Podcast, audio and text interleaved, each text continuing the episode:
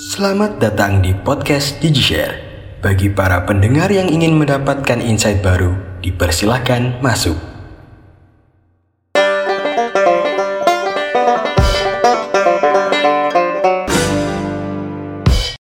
Halo Digiser, selamat datang di podcast Insightful Talks with Internship Participants bersama aku Falah yang akan menemani kalian di episode kali ini. Hari ini kita akan membahas role yang sangat keren dan memiliki kemampuan khusus yaitu role researcher. Nah, episode ini pasti berguna banget nih buat kalian Digisters yang sedang mencari gambaran atau referensi mengenai role researcher di internship di DB Telkom. Langsung saja, kita udah kedatangan Digigues yang saat ini sedang berada di role researcher. Halo Kak Farhan, mungkin boleh perkenalan diri dulu kali ya. Oke, halo Kepala. Uh, halo, halo. Ya. Uh, sebelumnya perkenalkan, nama saya Muhammad Farhan Putra Arbi. Uh, saya kerap dipanggil Farbi. Sekarang alhamdulillah saya berkesempatan uh, untuk internship di Telkom di posisi role researcher business analyst. Dan sekarang saya kuliah di Binus University jurusan manajemen di semester 6. Gitu Kak. Oke. Panggilannya siapa tadi? Uh, Farbi Kak. Farbi. Iya, betul. Dari mana tuh Farbi? Jadi kan nama panjang saya kan Muhammad Farhan Putra Arbi ya. Iya, iya, iya. Dulu SMP SMA banyak yang namanya Farhan. Jadi ya digabungin aja gitu Farhan sama Arbi jadi Farbi gitu. Oke, kenapa nggak Fartra, Fartra, Fartra. Agak ribet ya ngucapin. Iya iya agak ribet ya. Oke oke oke. Oke, mungkin boleh cerita dikit nih Kak Farbi, gimana nih perjalanan Kak Farbi dari sebelum diterima menjadi internship di Telkom hingga dinyatakan lolos diterima. Boleh diceritakan. Oke, mungkin uh, kita cerita dari awal kali ya. Jadi uh, awal ketika saya pertama kali uh, masuk kuliah gitu. Jadi pas uh, pertama kali aku masuk, memang dari aku sendiri nggak mau yang uh, cuman apa ya, cuman akademik aja gitu, hard skill aja gitu. Jadi memang saya juga berusaha untuk bisa ikut organisasi atau ikut ada event apa gitu. Jadi uh, biar ngebantu apa ya, nambah pengalaman juga karena saya yakin kan pasti nanti ngebantu banget kalau misalkan mau cari internship atau nyari kerja di masa depannya gitu. Nah, alhamdulillah uh, singkat cerita akhirnya nggak kerasa udah semester 6 aja dan udah uh, disuruh di binus itu disuruh untuk internship gitu. Nah di internship itu pun di binus sendiri kan punya uh, binus internship apps dan di situ alhamdulillah saya nemu nemu opportunity uh, Telkom buka recruitment untuk internship. Kebetulan posisi yang dibuka itu role researcher yang sekarang saya cari juga itu uh, bisnis analis gitu. Walaupun oh, yeah. jurusan saya manajemen ya, cuman yeah. Iya. uh, untuk bisnis analis sendiri ya nggak jauh-jauh dan menurut saya juga masih di ruang lingkup itu ya. Jadi hmm. uh, ya pas banget lah gitu untuk apa ya kesempatan saya untuk bisa nyoba internship pertama kali karena ini juga saya nggak pernah sebelumnya belum pernah internship sama sekali gitu. Uh, terus akhirnya saya ikutin alurnya. Uh, saya pertama kali daftar, terus saya coba uh, apa ya ya minta tolong doa lah gitu ke teman-teman ya semoga bisa keterima lah gitu kan Telkom gitu kan BUMN bagus gitu kan. Iya. Uh, alhamdulillahnya dapat email keterima dan langsung masuk ke tahap selanjutnya. Kalau nggak salah waktu itu kita disuruh bikin short video maksimal 7 menit gitu. Uh, di kayak wawancara gitu ya? Iya betul kayak wawancara. Oh iya iya. iya. Kayak ada key points key pointsnya yang harus kita ngomongin apa aja. Nah, yang menurut saya cukup challenging tuh ya di sini sih kak paling karena yeah. apa ya kita kan disuruh ngomong berbagai macam hal dan beberapa macam poin gitu kan. Kalau menurut saya kan kita kadang kalau ngomong kan suka apa ya suka kelewatan atau suka kedikitan gitu kan. Jadi memang dari kitanya juga harus nentuin nih yang kita keluar dari mulut kita tuh adalah hal-hal yang penting gitu yang sesuai. Yeah. Gitu. Uh, pas di video itu yang dilihat ya itu yang paling pas yang paling bagus itu sih hal yang challenging buat saya gitu. Cuman alhamdulillah uh, pelan-pelan teliti ya lancar gitu terus selanjutnya uh, alhamdulillah saya udah ngumpulin project video itu sebelum tenggat waktu jadi udah alhamdulillah udah selesai yang menurut saya cukup lucu dan cukup deg-degan sih uh, apa tenggat waktu jarak waktu dari saya ngumpulin video itu sampai uh, pengumuman itu agak cukup lama beberapa bulan gitu. Jadi apa ya agak deg-degan juga gitu keterima apa enggak nih ya gitu kan ya. Uh, akhirnya juga alhamdulillah uh, di bulan Desember Desember benar-benar akhir atau Januari kalau nggak salah itu deket banget ketika tenggat waktu binus untuk kita dapetin intern tiba-tiba dapat email dari Telkom gitu. Oh, oh. alhamdulillah banget kan itu jujur deg-degan banget kan waduh ini dapat apa enggak nih ya kalau enggak kan kita tetap harus cari lagi kan ya kita harus yeah. ini lagi gitu ya alhamdulillah dapat ya mungkin itu sih kak kalau untuk ceritanya Tapi uh, sebelum ke sana ya mungkin di Gisers ini kan uh, penasaran kan apa pengalaman panitia atau pengalaman organisasi waktu di kuliah itu penting atau enggak sih? Kalau menurut Farbi gimana, Kak Farbi? Kalau menurut aku sendiri uh, penting banget. Kenapa? Ya. Karena aku juga banyak nanya teman-teman atau even kakak kelas aku juga aku sempat nanya. Kira-kira kalau menurut kakak juga gimana pertanyaan yang sama gitu? Saya coba tanya ke mereka gitu kan. Menurut mereka kayak kalau bisa seimbangin deh dia bilang gitu. Tapi jangan fokus ke satu hal aja gitu. Jadi biar ibaratkan uh, ya kita tuh paket lengkap gitu. Ke teori ilmu teori kita punya yaitu hard skill segala macam cuman kalau ditanya dari sisi pengalaman komunikasi public speaking semuanya ya itu kita juga punya gitu. Jadi kalau kita combine wah itu pasti mantap banget. Itu yang dicari sama perusahaan-perusahaan Nah, itu yang saya dapetin ketika waktu saya ngejalanin organisasi ketika kuliah. Jadi, makanya apa ya? Makanya kalau dikasih chance apa, misalkan coba ikut ini yuk, gitu ya, ikut aja gitu daripada coba aja ya. Hmm, nyoba aja yeah. gitu. Ataupun ya jadi seru gitu kan. Karena memang seru sih ikut organisasi dan pengalaman-pengalaman lainnya gitu. Ini itu sih, Kak. Oke, sebelum menyelam lebih dalam mungkin ya, eh, Kak Farbi boleh menjelaskan apa sih role researcher dan kenapa kok milih role researcher? Oke, apa sih role researcher ya? Kalau dari yang pengalaman aku ya kak, uh, role researcher sendiri, uh, namanya juga researcher ya, berarti kita melakukan penelitian gitu. Kalau dalam case uh, sekarang atau di company yang saya jalani sekarang di Telkom, uh, ya kita melakukan penelitian dan lebih ke analisis gitu. Jadi analisis itu bakal apa ya, berhubungan erat lah sama kita yang di role researcher ini gitu. Mulai dari analisis kompetitor, mulai dari analisis produk yang kita punya kira-kira gimana, mulai dari SWOT, BMC-nya, bisnis model canvas dari kompetitor atau dari kita juga kira-kira gimana. Karena uh, apa ya, dari analisis yang udah kita lakuin, kita bakal nemu hasil analisis itu dan hasil analisis itu bakal jadi kita bisa olah jadi strategi, bisa jadi inovasi juga gitu. Jadi bakal bercabang ke mana-mana, cuman bersumber dari analisis dan research itu. Mungkin kalau menurut saya itu sih pengertian dari researcher.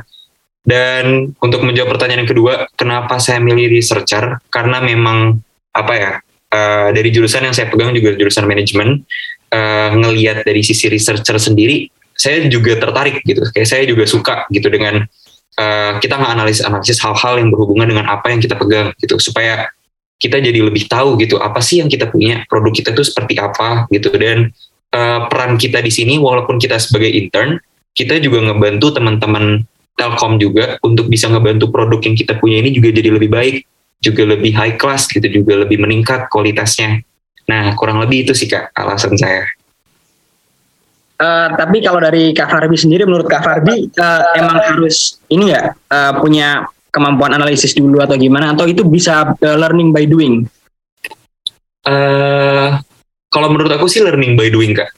Dan mungkin poin bonusnya kalau misalkan kita memang sebelumnya punya experience untuk analisis, even kita di organisasi atau atau kita ikut tim apa, ya itu jadi poin plus sih kalau menurut aku. Cuman mungkin bagi teman-teman yang emang belum biasa menganalisis sesuatu atau memang mungkin belum apa ya terjun lah ke dunia yang kayak gitu, ya teman-teman bisa learning by doing sih kalau menurut aku karena uh, pengalaman aku sendiri yang aku rasain sekarang, uh, aku coba untuk belajar, aku coba untuk banyak banget hal yang belum aku pernah temuin, terutama terkait hal researcher dan analisis tersebut, mulai dari toolsnya, mulai dari kata-katanya, mulai dari cara kita berpikir dan apa ya cara kita melontarkan pendapat pun menurut saya itu apa ya memberikan pengaruh juga gitu ke gimana cara kita nganalisis gitu jadi benar-benar apa ya cara terbaik kita untuk belajar untuk menganalisis sih menurut saya di learning by doing karena bakal banyak banget hal yang bisa kita pelajarin gitu kak. Tapi kalau di uh, di kalau di uh, Farbi sendiri kalau menurut Kak Farbi itu ada yang ngajarin kan pastinya kayak kayak apa ya? Kayak uh, pasti nanti di uh, ini nih ini caranya gitu. Nggak langsung disuruh terjun kan? Enggak kak. Kalau yeah. ini mungkin ya buat pas kita lagi on job ya kak. Uh, yeah. aku bener-bener apa ya di tim yang sekarang aku masuk itu aku diajarin banget gitu. Kayak uh, Farbi uh, lu harus kayak gini gitu. Lo coba kayak gini. Explore aja nggak apa-apa gitu karena nggak ada masalahnya gitu walaupun itu bukan bidang kita gitu semakin banyak kita explore kita semakin bisa banyak hal kita semakin bagus terutama di bagian analisis gitu kak banyak sih yang ngajarin Oke, mungkin untuk uh, sebelum uh, ke sebelum masuk menjadi researcher, nah pasti Farbi kan Kak Farbi kan punya ekspektasi kan. Apakah ekspektasi tersebut sesuai? Uh, researcher tuh aku tuh pengennya kayak gini gitu kan. Apa apakah didapat ketika terjun langsung di industri di Telkom? Gimana Kak Barbie?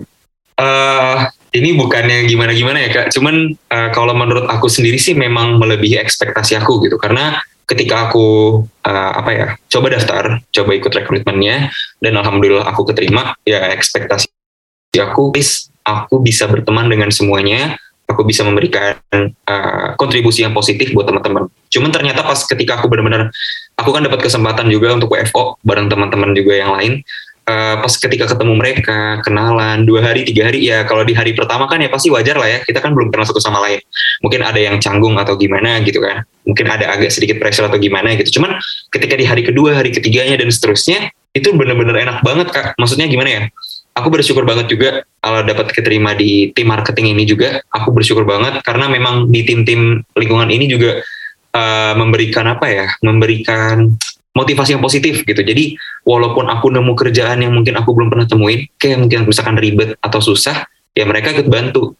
Dan mereka nggak cuma nyemangatin tapi juga ngasih tips gitu. Jadi uh, apalah ya saling ya kalau kita sebutnya mutualisme lah saling menguntungkan gitu.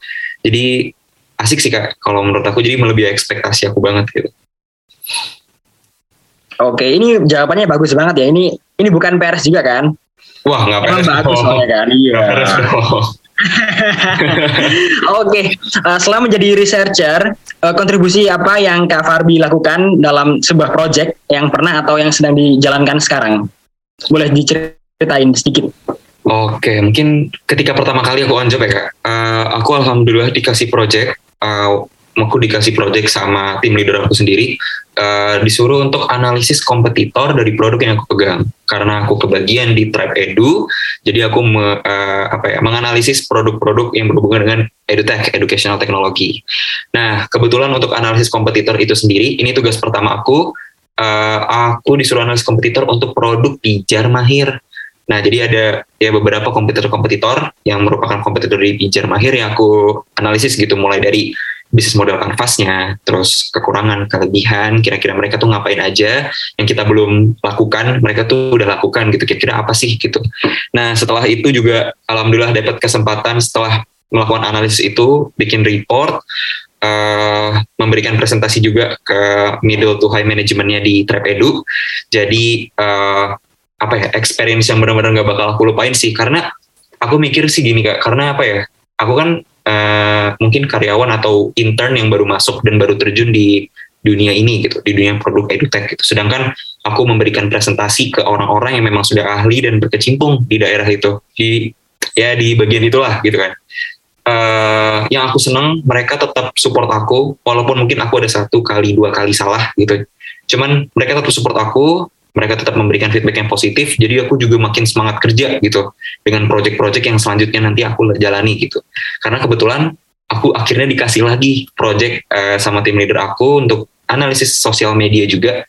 Dan kebetulan sosial media ini kan juga bukan bagian dari ruang lingkup aku ya. Cuman nggak apa-apa dan mereka tetap ngajarin aku gitu kayak coba pakai tools ini coba belajar tentang hal ini gitu. Karena udah mulai saatnya uh, kita sebagai individu apalagi kalau udah kita udah kerja kita udah intern uh, harus belajar berani untuk explore hal yang belum pernah kita coba sebelumnya gitu dan itu benar-benar banyak banget terutama di project-project yang aku jalani gitu itu project kedua aku alhamdulillah dapat kesempatan analisis sosial media untuk pijar sekolah terus uh, selanjutnya juga aku singkat cerita sih ya mungkin uh, ke project yang deket-deket ini sekarang lagi ngejalanin project di uh, kegiatan apkasi uh, kesatuan kabupaten di Indonesia gitu. oh, gitu. Terutama uh, uh, dan juga ada bapak-bapak dari dinas pendidikan juga ikut di acaranya di Kemendikbud. Kebetulan aku uh, memberikan kesempatan untuk apa ya uh, presentasi lah atau kita coba ngejelasin ke bapak-bapak bupati dan dinas pendidikan kalau Telkom itu ada produk edutech uh, pijar sekolah gitu. Dan alhamdulillah itu experience yang gak aku lupain juga karena memang seru banget dan apa ya kita kan presentasi ke orang pemerintahan ya ke bapak-bapak bupati yang pasti experience-nya juga lebih tinggi dari kita jadi kita juga terutama aku dapat banyak banget apa ya nilai value yang aku lihat dari gimana expert-expert tersebut. Kalau misalkan lagi ngomong di depan cara mereka berpikir dan lain-lainnya. Itu sih paling enggak Uh, kalau dari berarti kalau kesimpulannya mungkin uh, jadi kayak project gitu ya bukan agenda kan ya? Betul, betul iya. Konten, iya. Tapi kayak pengalaman-pengalaman kalau dikasih sebuah pengalaman buat eh, presentasi atau eh, ketemu orang baru itu pengalaman yang eh, berharga banget loh. Betul, yang betul bisa didapat. Itu kayaknya eh, gimana cara ngadepin orang itu nggak bisa dibentuk kalau menurut aku ya nggak bisa dibentuk sekali atau dua hari aja. Itu butuh kebiasaan. Betul, betul, setuju.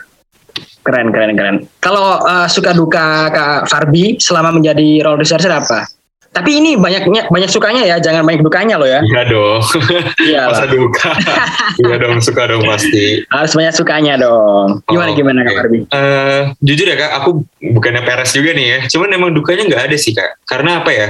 Karena yang tadi aku udah mention juga, eh, lingkungan yang aku masuk, alhamdulillah tim yang aku punya juga eh, memberikan apa ya? nilai-nilai positif lah gitu. Mulai dari sisi pengalaman dan juga value. Terus jadinya apa ya? Mungkin eh, karakter-karakter yang aku bentuk ketika aku lagi on job ini juga jadi semakin meningkat dibantu dengan lingkungan aku gitu. Jadi aku bener-bener apa ya seneng banget lah gitu dan itu jadi salah satu hal yang aku suka gitu di ketika selama aku on job sekarang gitu. Selain itu juga apa ya orangnya asik-asik banget. Eh, kita tuh bukan yang kerja strict banget terus 12 jam gitu enggak. Cuman kita juga ya kita kerja ya kita nikmatin prosesnya gitu. Kita ngobrol terus kita juga ada waktu istirahatnya juga gitu. Jadi apa ya kerjanya juga enak gitu nggak tertekan gitu dan nggak ada pressure sama sekali yang aku rasakan ketika aku pertama kali on job hingga sekarang gitu jadi bener-bener leluasa banget untuk nge-explore diri kita ya dan aku seneng banget sih kak itu untuk dukanya sih nggak ada ya kak nggak ada banget sih kalau Nah ini, ini bagus nih, ini bagus nih. Berarti kayak eh, lingkungannya tuh emang mendukung banget ya. Betul betul kak Iya, jadi mungkin buat users kalau mau join atau mau explore ke role researcher, jadi nggak usah takut untuk eh gimana ya antar ya gimana ya antar ya, pasti ada yang ngajarin atau nanti pasti bisa lah. Nah, Betul, Oke. Nah terakhir nih eh, kesan dan pesan eh, selama menjadi researcher. Kesannya dulu deh, kesannya dulu. kesannya dulu ya kak kesannya adalah eh, mungkin ini lebih ke apa ya eh, aku memberikan komplimen lagi nih kak ke pengalaman yang udah aku rasain gitu apalagi terutama ke perusahaan telkom ya dan ke tim yang aku rasakan. Seru banget benar-benar memberikan pengalaman yang nggak bakal terlupakan memberikan challenge yang cukup apa ya menurut aku wah eh, ini aku harus coba keluar dari apa ya dari kerangkeng aku nih gitu. Aku aku nggak boleh diam sendiri nih kalau nggak aku nggak akan berkembang. Nah itu apa ya bener-bener kesan yang ngebuat aku bisa ngerubah diri aku gitu. Karena eh, ya seperti yang tadi aku udah mention project-project yang dikasih ke aku sendiri itu jujur eh, aku belum pernah punya pengalaman yang benar-benar cocok dengan project yang dikasih. Cuman aku muncul hal berani di dalam diri aku karena ya suasana dan teman-teman yang ngebantuin aku coba untuk berani. Itu sih kesan dari aku jadi seru banget ya pokoknya. Eh, mungkin sebelum ke pesan eh, pelajaran apa sih yang eh, tadi kan udah kayak eh, dikasih kesempatan presentasi terus bisa ketemu orang-orang yang hebat-hebat gitu kan. Iya. Nah, pelajaran apa yang Kafar eh, Kak Farbi dapat? Ini bisa sebagai eh, internship atau bisa as a human ya, kayak karakter. Oh, ini bisa membuat eh, saya lebih dewasa atau lebih eh, mengenal gimana sih cara nyocokin lingkungan baru itu. Gimana value-value apa yang udah didapat Kak Farbi? Eh, untuk value aku benar-benar ngerasain itu dominan di value kak kita asih human lah. Bener yang tadi kak Fala bilang. Eh, mulai dari apa ya kita harus sigap gitu time management terus fokus terus lebih penting lagi yang aku pernah rasain itu tanggung jawab. Eh, karena di tim aku kan tadi yang seperti aku bilang kita tuh nggak kerja terus menerus tapi bukan berarti kita ngelepasin kerjaan kita gitu. Kita bercanda gitu bercanda juga ada. Cuman kita tuh seimbang. Nah itu yang aku pelajarin tuh kak. Kayak ya kita ada kerjaan kita kerjain kita fokus kita selesai ya udah kita enak gitu. Dan gimana caranya bisa kayak gitu ya dari value-value yang teman-teman di tim itu kasih ke aku gitu. Yang mereka bantu aku coba kasih. Gini loh kultur di sini tuh kayak gini gitu. Kita harus bisa tanggung jawab kita harus bisa mandiri sikap eh, sigap gitu. Supel juga jangan diem-diem kalau emang nggak tahu kita coba tanya gitu. Dan ya harus berani sih kak kurang lebih sih gitu ya apa yang aku dapat kita harus berani gitu. Dan eh, jangan karena kita tuh sebagai intern jadi kita takut untuk memberikan pendapat. Jangan justru eh, aku malah dikasih tahu sama teman-teman aku sendiri kalau kita sebagai intern walaupun kita hanya intern gitu justru kita coba kasih effort yang lebih gitu. Kita kasih eh, kak aku pengen memberikan pendapat kayak gini gini gini gitu.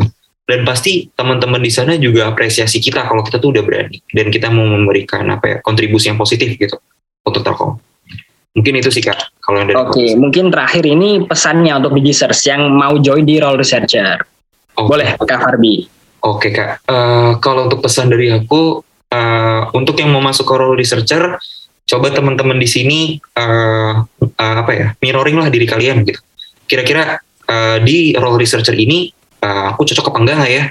Eh, kalau misalkan teman-teman emang ngerasa teman-teman nggak cocok tapi teman-teman mau coba, nggak apa-apa karena apa ya? Menurut aku nanti teman-teman pasti gini loh kalau teman-teman suka sama hal itu tapi teman-teman ngerasa teman-teman nggak cocok, ya teman-teman harus ngeluarin effort untuk bisa cocok di hal itu gitu. Ya teman-teman belajar teman-teman coba hal baru. Jadi nggak ada salahnya sih buat nyoba hal yang emang teman-teman belum pernah coba gitu. Terutama untuk hal role researcher ini gitu. Karena aku sendiri juga orang yang belum punya pengalaman di role researcher dan aku coba berani untuk bisa terjun di role researcher tersebut. Dan alhamdulillah aku senang sih dan apresiasi sama diri sendiri gitu karena bisa untuk lebih berani dan effort lah ke hal yang aku belum coba mungkin itu pesan dari aku dan terus semangat sih itu sih kalau dari aku Oke, wah keren banget nih ya cerita dari Kak Farbi. Ini kalau kata anak Jak- Jaksel ini literally isinya tuh daging semua ini ya. Anjing semua. Betul. Tapi sayang banget nih waktunya udah habis. Eh, terima kasih banyak Kak Farbi yang udah memberikan insight dan berbagi pengalaman seputar seputar role researcher. Sukses terus ya Kak Farbi eh, buat megangnya atau untuk Iya. eh, meniti karir selanjutnya ya. Dan Amin. untuk digiters yang ingin menjadi seperti Kak Farbi, jangan lupa untuk menjadi mendaftar di rekrutmen yang sedang berlangsung di website internship.ddbtelkom.id serta jangan lupa untuk follow dan subscribe med sosial media dari Internship DDB Telkom. Biar nggak ketinggalan informasi, terutama informasi seputar rekrutmen ya. Aku Falah mohon pamit undur diri. Telkom DDB Internship Program Home for Future Digital Talent. Bye bye.